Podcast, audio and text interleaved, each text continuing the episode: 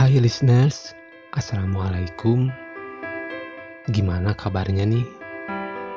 Pokoknya kamu harus selalu jaga kesehatan dan dongkrak terus semangatnya untuk ngejalanin semua aktivitas. Kali ini saya Hari hadir lagi di pendengaran kamu untuk nemenin kamu ngejalanin aktivitas sambil kita ngobrol-ngobrol santai. Di tangan saya udah siapin coretan-coretan yang memang sekilas sering muncul di kepala bukan cuma sekali atau dua kali.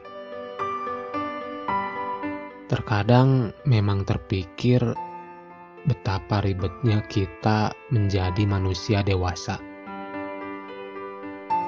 Ada tanggung jawab yang harus dipikul, ada kebijakan yang harus ditetapkan, dan selalu ada banyak pilihan yang mau nggak mau harus ditentukan yang mana yang harus dipilih.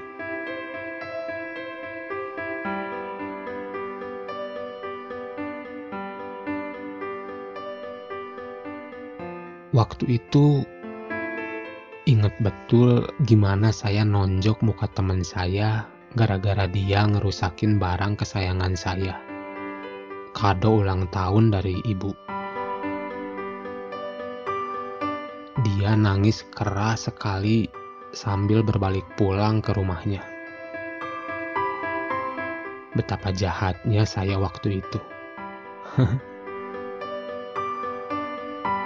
Tapi besoknya, begitu saja saya memaafkan dia yang udah ngerusak barang kesayangan saya. Dan dia pun memaafkan saya yang udah ninju mukanya. Itulah cerita lama, cerita masa kecil saya dulu. Salah satu cerita dari sekian banyaknya cerita pertengkaran saat kecil. Saya yakin kamu pasti juga ngalamin.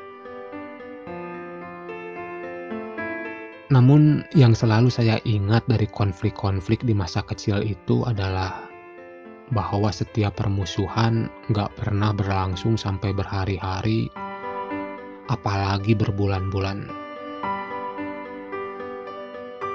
Pagi-pagi berkelahi, sorenya udah main bersama lagi. Hari ini ada yang nangis, eh besoknya udah ketawa-ketawa bareng lagi. Betapa mudahnya memaafkan waktu itu. Segitu gampangnya konflik terpecahkan di masa-masa itu. Sedangkan sekarang di masa dewasa ini,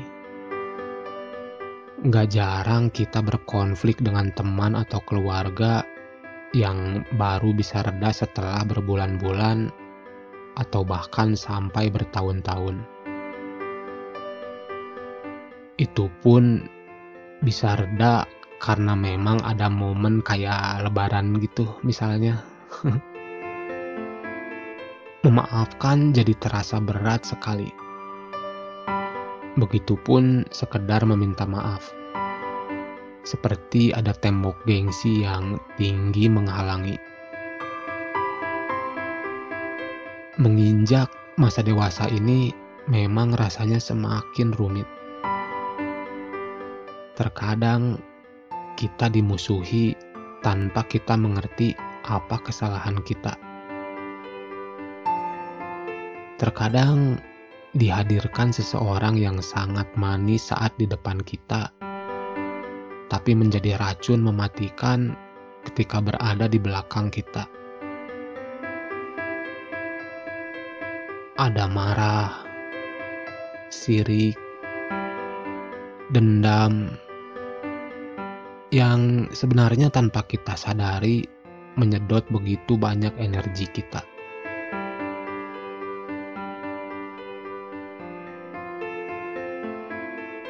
Saya juga ingat masa-masa ketika saya menjelajah dengan sepeda bersama teman, bermain bola di tanah merah, atau sekedar menamatkan serial komik.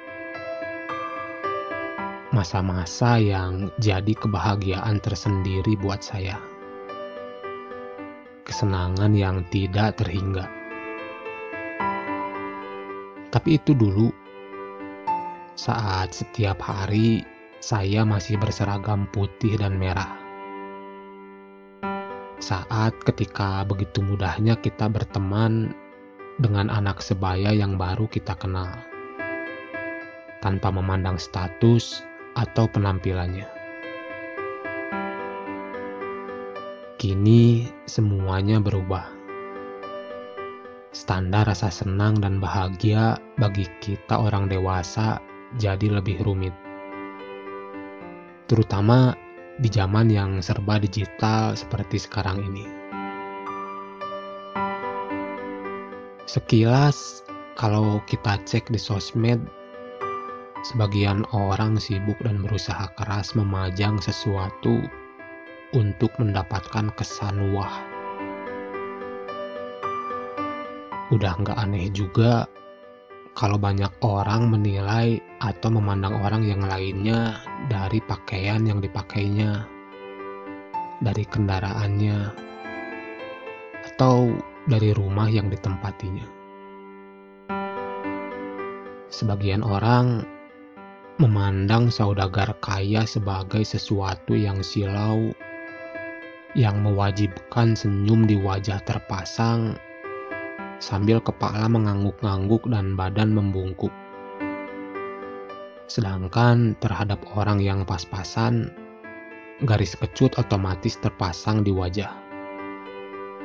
Bahkan untuk sekedar melirik pun dia enggan.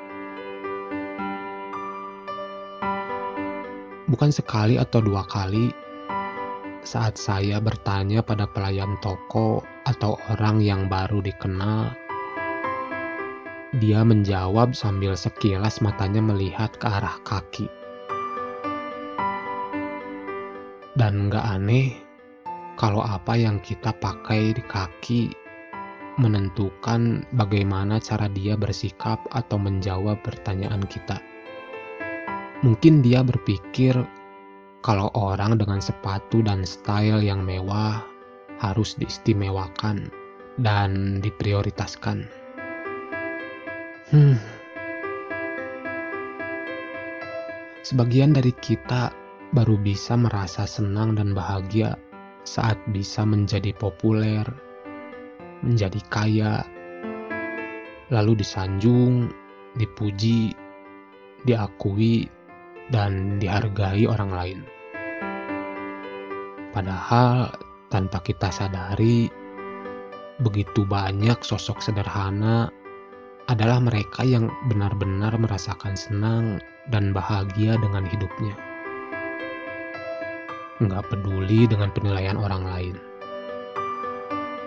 Nggak tersiksa oleh gengsi yang tinggi dan nggak diperbudak oleh gaya hidup yang berlebih.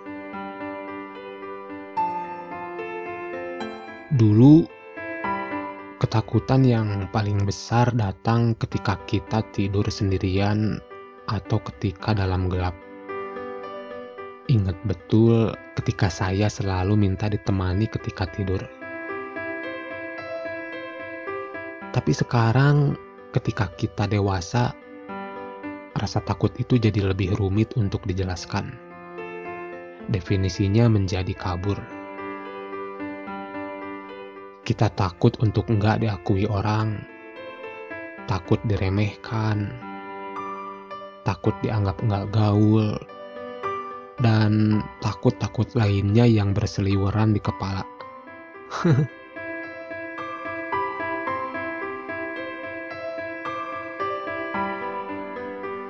Betapa usia dewasa menggantikan kesederhanaan menjadi kerumitan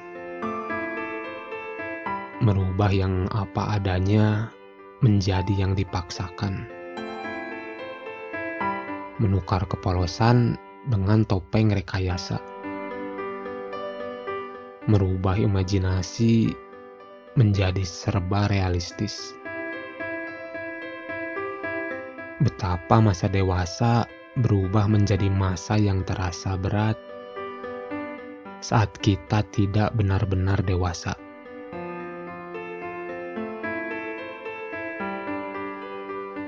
Thanks for listening. Assalamualaikum.